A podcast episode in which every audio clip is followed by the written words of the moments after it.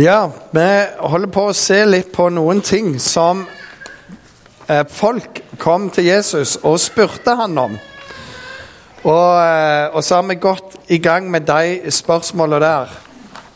Og eh, i dag så eh, skal vi se på et av de spørsmålene. Men før vi kommer til det spørsmålet, for det har litt relevans, så har jeg litt å si. Og det ene er at jeg begynner mer og mer å oppdage at jeg begynner å bli gammel ifølge de unge. Voksen ifølge meg sjøl. Det, det, kommer litt an på hvordan du ser dette her. Jeg jobber ofte med studenter, og det er jo aldri trivelig når jeg sitter med de og er en av gjengen, helt til de spør hverandre hvordan føles det å bikke. Liksom, bikke, Hva snakker dere om? Nei, han bikker jo snart 25. Og så kjenner jeg OK det, To ganger 25 snakker vi der. I sommer så plutselig så merket jeg at jeg, jeg fikk dette her. Uh, og jeg gikk til optikeren min og sa ja, nå har du bikka med synet ditt. Og det er jo sånn at uh, Synet kompenserer i ganske mange år.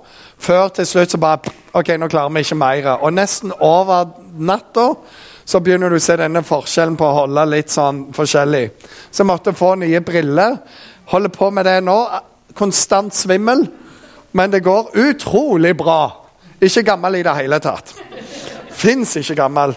Og så er jo spørsmålet når du blir enda eldre, eh, som ifølge mine barn nesten er umulig å bli, så er det jo dette med Hvis du vet at det går helt mot det siste, hva skal du da si? For det, det er jo lurt å ha noen bevinga ord til slutt i livet. Og jeg har eh, funnet noen sånne veldig bevinga ord. Karl Max han var jo kjent for en del ting. Hushjelpen gikk inn til han og spurte om han hadde noen siste ord, så hun kunne notere ned for etterslekten om det var noe greit. Og han ga henne denne skyllebøtta her. Kom deg ut! Siste ord er for tullinger som ikke har sagt nok. Det skrev hun ned og bevarte for ettertiden. Så Karl Marx er berømt for å si akkurat det der. Eh, en amerikansk general under eh, eh, borgerkrigen sa i 1864 nokså selvsikkert om motstanderen sa de kunne jo ikke truffet en elefant på denne avstand. Og der ble han truffet. Ludvig den 14. overraska med sine seg stor, fordi han var kjent for å være rimelig stor på ting og stor på seg sjøl. Men når han eh, lå på det siste, så sa han sånn Hvorfor griner dere? Trodde dere at jeg var udødelig, eller? Så han hadde en viss sjølinnsikt. Oscar Wilde, en forfatter, eh, han var nokså grumpy på slutten. Han ligger inne så ser han på gardinene og sier enten så går de gardinene, eller så går jeg. Gardinene vant. Og vi har flere. Pancho Villa han var en meksikansk revolusjonist. Han plutselig skjønner nå holder jeg på å dø. Og så skal han begynne å tenke Og så er det bare ingenting. Så, så han ble åh, jeg har ingenting å si, ingenting klokt. Så han sa bare dette. Ikke la det ende på denne måten. Si til dem at jeg sa noe. og det ble han kjent for. Da tenker jeg, da har du virkelig kjempet en revolusjonær kamp og stått på til slutt.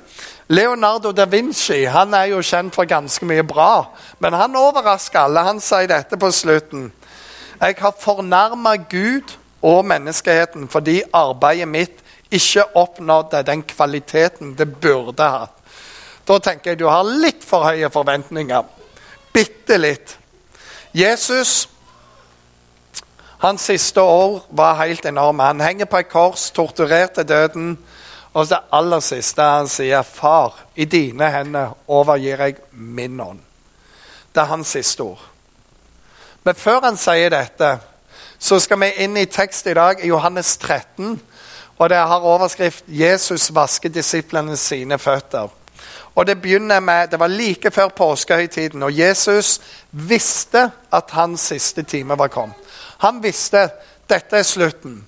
Så alle disse bevinga ordene som folk kan ha, så viser Jesus nå er det siste måltidet. Han samler gjengen, og han har et skikkelig måltid der. Han innstifter nattværen, han ber for gjengen sin.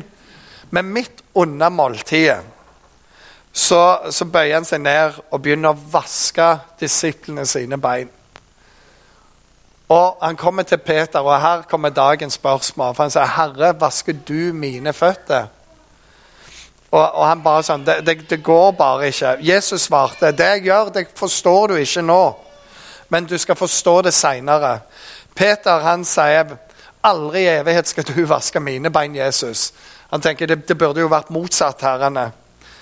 Men Jesus sier til ham, 'Hvis jeg ikke vasker deg, så har du ingen del i meg, Peter.' Og han snur bare på alt Peter da og sier, 'Herre, ikke bare vask føttene, men hendene, hodet, alt i samme vask meg. Jeg vil tilhøre deg.' Men Jesus sier til ham, 'Den som er bada, han er ren og trenger bare å vaske føttene.' Det er litt sånn som i dag. Du trenger ikke å dusje før hvert måltid, men det er lurt å, å vaske hendene. Dere er rene, men ikke alle, for han visste hvem som skulle forråde ham. Derfor sa han, dere er ikke alle rene.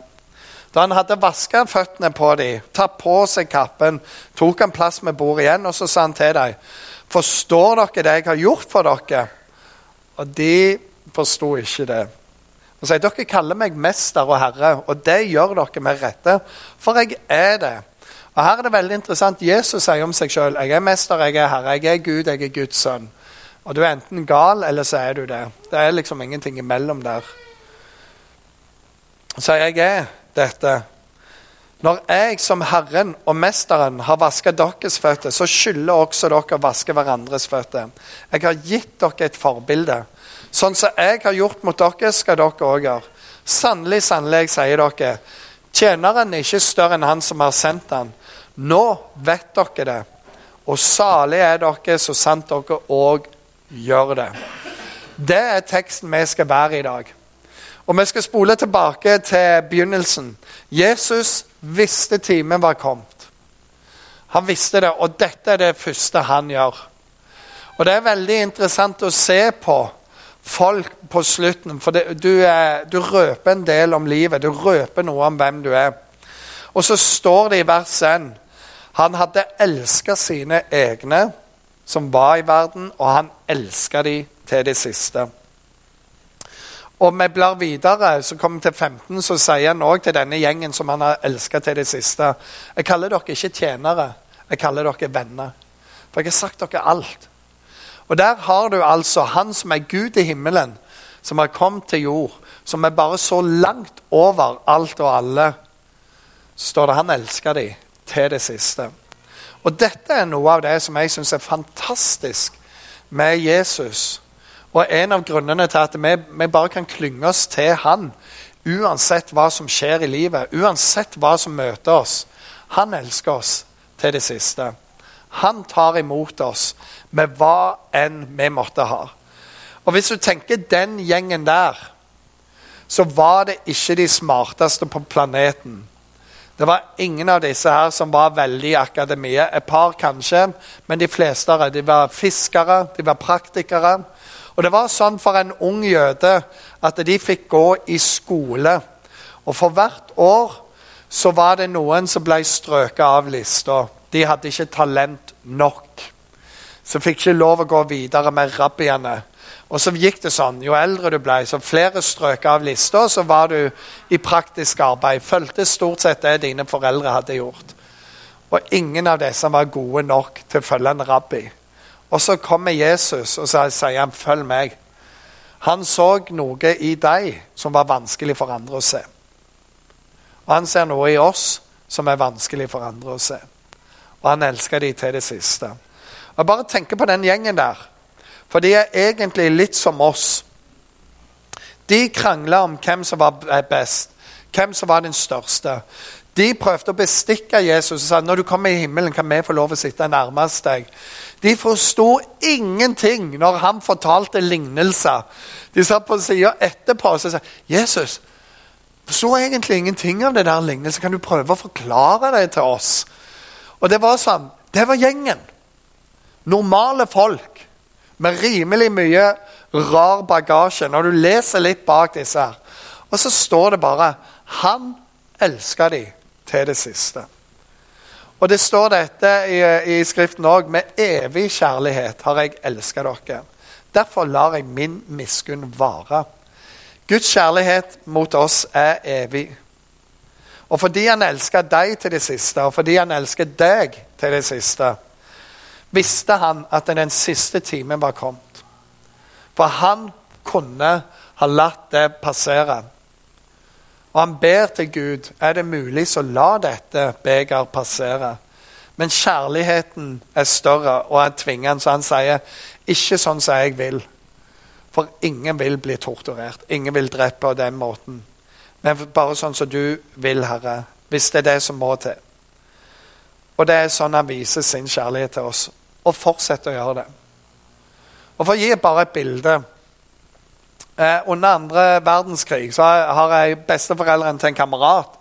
Begge var på sykehus i Stavanger, og bombealarmen går. Og det er sånn at De evakuerer alle som kan, ned til kjelleren, ned i bomberommet. Og de som er for dårlige, de må bare ligge hjem på avdelingene. Og så får du håpe at de overlever. Men det er større risiko å flytte de enn å bare la de ligge der. Og du hører bombeflyene komme. Sirenene uler som bare det. Og de begynner å treffe ut med kysten, med sola nærmer seg. Så er det en mann som ligger der. Han går mot strømmen, og de sier du må gå ned. Så sier han men kona mi ligger der inne. Hun er for dårlig til å flyttes. Og hun sier men du må jo gå ned. Må i hvert fall en av oss overleve. Så sier han bare nei, det, det kommer ikke på tale. Vi hører sammen. Og bombene kommer nærmere, og de sitter og holder hendene. Og hører det kommer nærmere, og det begynner å dirre rundt dem. Og holder hendene. Elsker til det siste. Men så skjer det at bombene blir fjernere og fjernere. Men det var hans overgivelse til henne. Vi lever sammen, vi dør sammen. Med evig kjærlighet har jeg elska deg. Derfor lar jeg min miskunn vare. Så står det at midt under måltidet så reiser han seg opp, legger av seg kappen, tar dette linkledet og binder det rundt seg. Han heller, vann, han heller vann i et fat, og så begynner han å vaske føttene på dem. Og, og, han kommer til Peter og bare sier, 'Herre, vasker du føttene mine?' Og det bildet her er bare så, det er så ekstremt sært. Og Jeg har bare leita og leita. Hva skal jeg sammenligne det med? Og det, Alle sammenligninger blir bare enormt dårlige. Hvis du liker fotball og Ronaldo og alt det, så vet du han har egne massører som bare passer på beina hans, for han vet en skade er fatalt. Og han betaler de ganske godt for å bare holde kroppen i sjakk.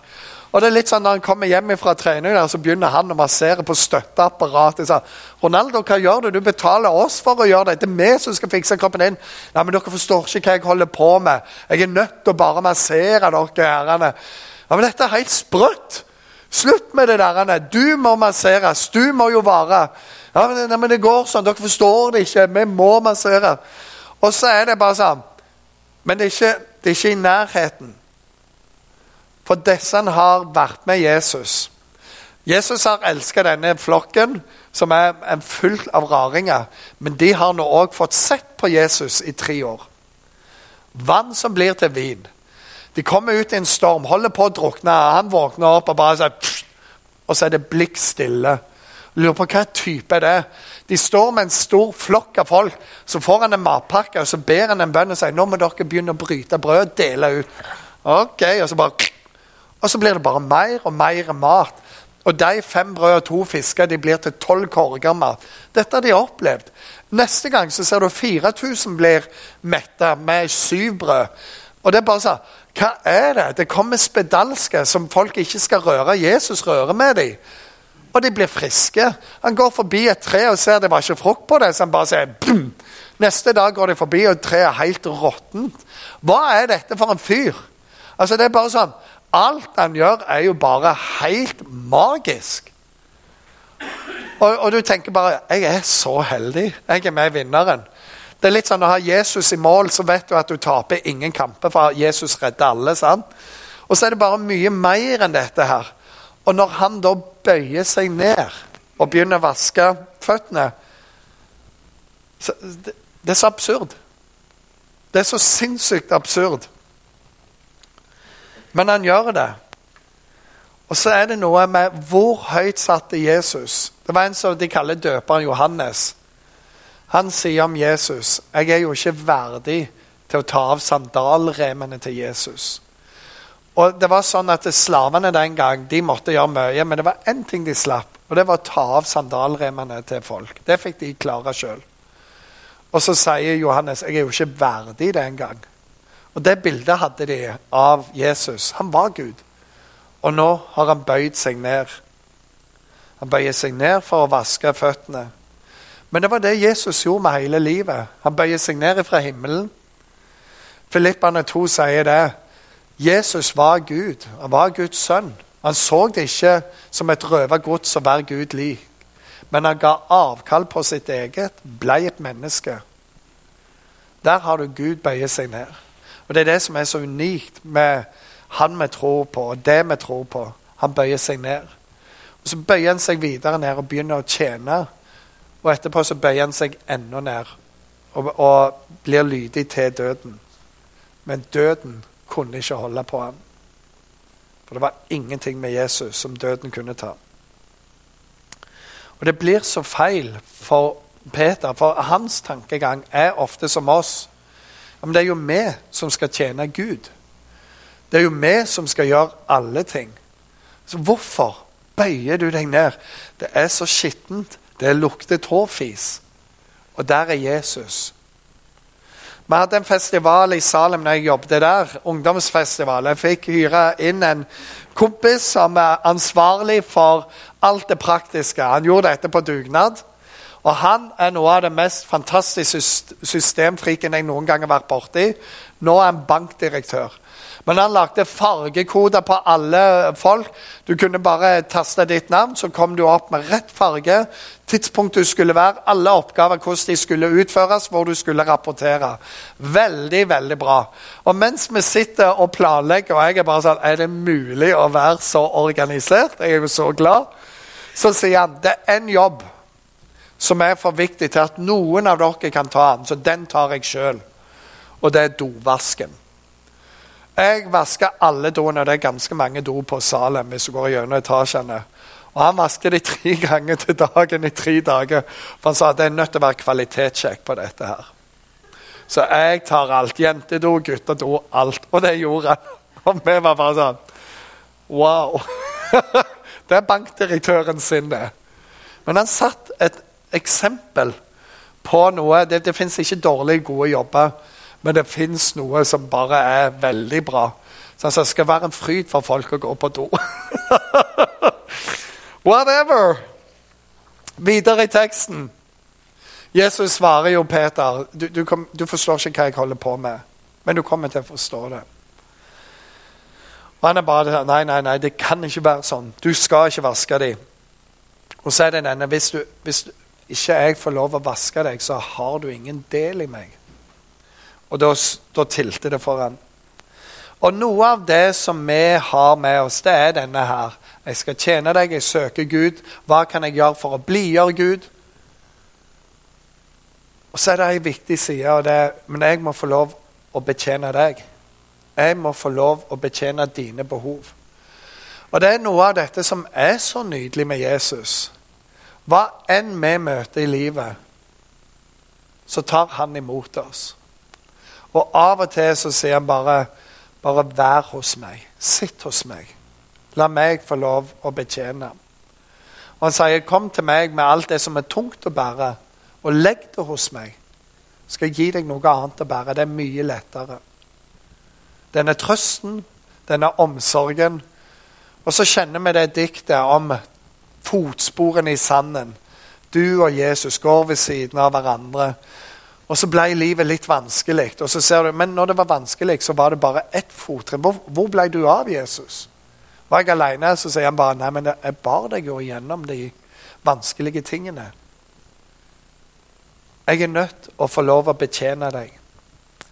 Og for meg er det et vers som går hver eneste dag, egentlig. Plugger jeg inn med Jesus, tar jeg meg tid til å be, tar jeg meg tid til å lese Bibelen tar jeg meg tid bare til å være med Jesus. Gå på møte, gå i smågrupper eller alene. For vi trenger å la Jesus betjene oss. Og det gjør noe med oss.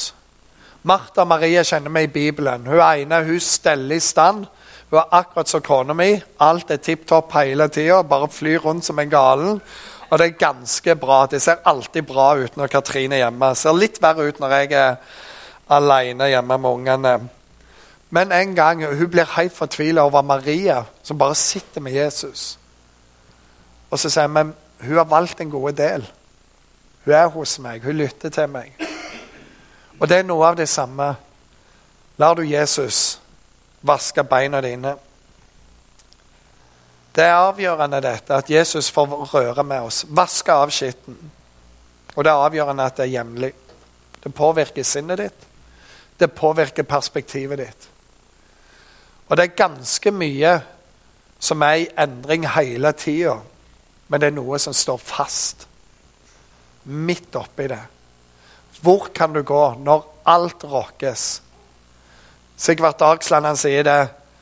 Det er noe som står fast som fjell, og det er Jesus. Men du må la ham få lov å betjene deg. En historie på dette. Eh, jeg jobbet i Stavanger. Og vi hadde en hel gjeng som eh, var blitt kristne, som var på rehabilitering. En av disse hadde vært torpedo i store deler av sitt liv. Hadde gjort veldig mye, men nå hadde han funnet Jesus, var på rehabilitering og gikk fast på møte hos oss. Det var veldig interessant å følge hans vandring med Jesus. Så en dag så skal han inn til byen, gå på møte søndag kveld hos oss, og morgenen etterpå så skulle han kjøpe en del ting. Fordi rehabiliteringssenteret hadde sendt med han en god del penger til å kjøpe ting. Dette var første gang på 20 år noen hadde betrodd ham penger. Men noen på rehab sendte en melding til andre torpedoer i byen, for han skyldte penger. Så når han kom på kaien i Stavanger, så sto en torpedo klar der med rimelig mye ting. Så gi meg pengene, vet du har de, ellers så skyter jeg deg. Og han må gi fra seg alt. Og det tilte jo opp i hjernen på han. Det var så mye verdighet jeg hadde igjen. Folk stolte på meg for første gang på 20 år. Det tar en båttur, og så er alt vekke. Og han tenkte med seg sjøl ingen vil jo tro meg. Jeg har bare brukt det på noe. Så går han, og så går min bror, som er med han, opp til Misjonskirka. Han er helt fortvila. Og, og, så sier min bror, og jeg møtte begge litt etterpå Idet han går inn i døra, så sier han her at han opplevde han gikk inn i en vegg av Guds fred. Sånn, hvis du har sett sånne filmer de bare går inn i en ny verden. Det var det han opplevde. Han sa det var så fredfullt. Og det var noe som bare gjennomboret han. Og min bror bare står og ser på han bare sånn for så Normalt sett så hadde jo han tilta og tempa alle plugger. Planlagt sin hevn og alt. Men her sitter han, setter, eller setter seg ned og lar Jesus vaske hans bein. Under lovsangen tårene triller, og så er han plugga inn med Jesus. Det er noe med Jesus som ingen andre er i nærheten av. Og Det er derfor vi må la ham få lov å vaske våre bein. Vi må få la han betjene oss òg. Det er ikke bare vi som skal tjene han, men han må fortjene oss. Og så går det videre. Når jeg som Herren og Mesteren har betjent dere, har vasket deres føtter, så må dere gjøre det med hverandre. Og Vi skjønner jo at dette ikke er bokstavelig ment, for hvis du er en kristen, skal ikke du gå rundt og vaske beina på folk, men det er billedlig. Og så sier han nå vet dere det. Men salige er dere om dere gjør det. Og det er forskjellen. Den kristne tro er handling. Og det er ikke sånn at vi blir frelst fordi vi gjør noe. For vi blir frelst fordi Han har gjort alt. Og vi tar imot det.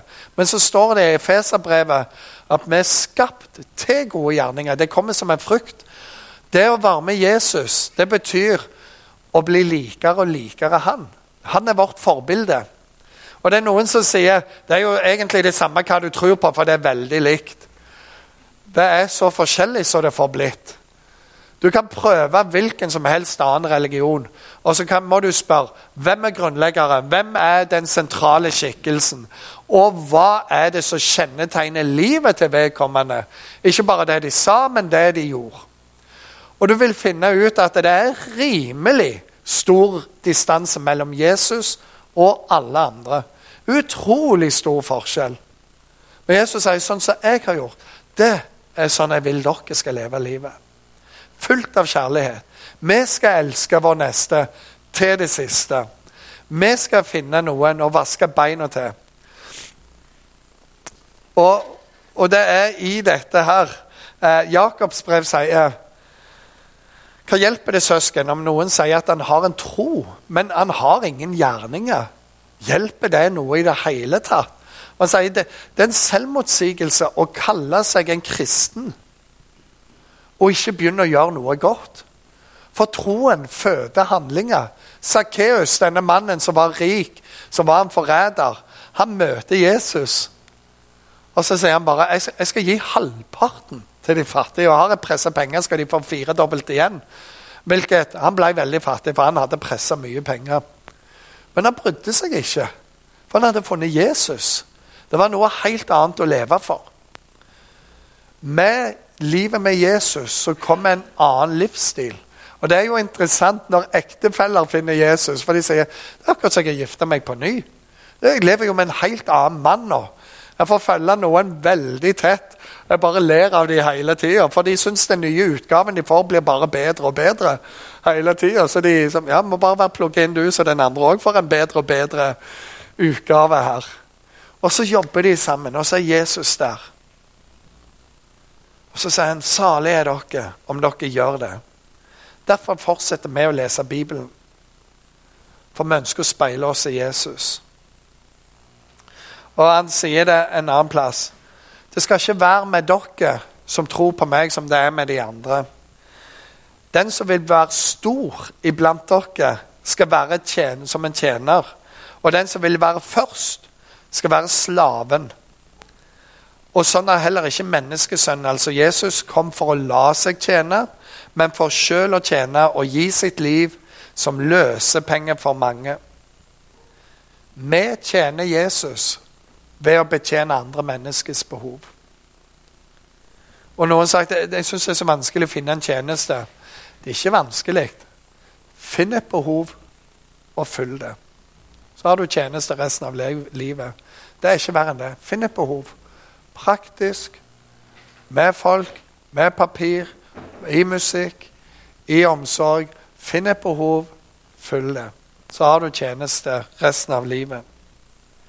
Denne livsforvandlingen ser vi skjer med alle disse som Jesus møter. Hvis du blar igjennom evangelien, så er det kvinner med brønnen, Sakkeus, Nathanael, spedalske, barn og andre. Du bare ser det velle fram.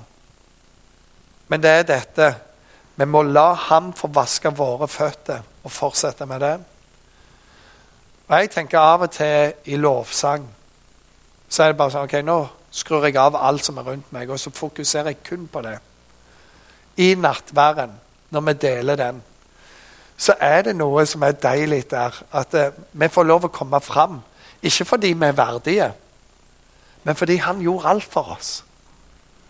Og så får vi lov å ta imot tilgivelsen, og så får vi lov å ta imot fellesskapet. Så er det noe vakkert der. Så får han betjene oss i nattværen. Og av og til når vi setter oss ned og ber og søker, så la ham vaske dine føtter. Og det andre som er poenget til Jesus, det er finn noen føtter å vaske. La ditt liv være til glede og velsignelse for andre. Et bibelvers som har fulgt meg utrolig mye i dette, står i Hebreerbrevet. Det står Legg vind på gjestfrihet. For på den måten har dere ofte engler på besøk uten sjøl å vite det. Og Det har fulgt meg skikkelig. og Det var en periode det var virkelig sånn Jeg tror Gud faktisk taler veldig om dette verset når Jeg sa det til Katrine. Og de neste månedene Vi hadde så mye folk hos oss. Det var sånn Kan vi snart tenke en hel tanke? Kan vi snart puste? Og disse gjestene var Noen var veldig enkle, noen var veldig bra, og noen var kan du si, mer krevende. Og så visste vi bare, og spesielt når vi hadde disse veldig krevende Veldig mange England sender nå for tida, altså. og det er bare sånn det er. Det handler om et kongerike. Det er annerledes. Og det er et annet sentrum der Jesus er sentrum. Og jeg syns det er fantastisk. Herre, vasker du mine føtter? Er det mulig? Og sier det gjør jeg. Og det vil han fortsette å gjøre med oss. Vi trenger bare å komme til ham med alt vi har. Og så sier han, og så kan du begynne å vaske for andre. Og det rare er, når vi begynner å vaske andre folks føtter, så ser de Gud igjennom oss. Vi blir det bønnesvaret. Og jeg er litt sånn, La oss ikke se etter så mange bønnesvar som vi prøver å være et bønnesvar. Og det er denne dobbeltheten. La ham vaske oss, og la oss finne noen vaske. Skal vi be en bønn? Himmelske Far, jeg takker deg for uh, Bibelen. Alt det vi kan lese der om deg, og alt det vi kan lese om din sønn Jesus. Takker deg for at Jesus både er vår store bror, og han er vårt største forbilde. Sånn som han var, sånn ønsker vi å være. Og takker deg for slutten av livet på Jesus her. Det er bare så utrolig. Han begynner å betjene oss. Fordi det ønsker du å gjøre. Og Herre, må du hjelpe oss sånn at vi kommer til deg i bønn, i Bibel, og er hos deg. Hjelp oss å søke fellesskap med andre kristne i møter, i smågrupper, hva det måtte være. Sånn at du kan få fortsette og fortsette å vaske våre bein. Jeg ber om det i Jesu navn. Og så ber jeg òg for hver enkelt av oss at du må hjelpe oss å søke mer og være et bønnesvar enn å få bønnesvar. Hjelp oss til å søke mye mer og være som den ventende far enn å være som den bortkomne sønn eller den hjemmeværende. Herre, hjelp oss til å være sånn som du var i denne verden. Jeg ber om det. Og hjelp oss å leve i denne dobbeltheten. I Jesu navn. Amen.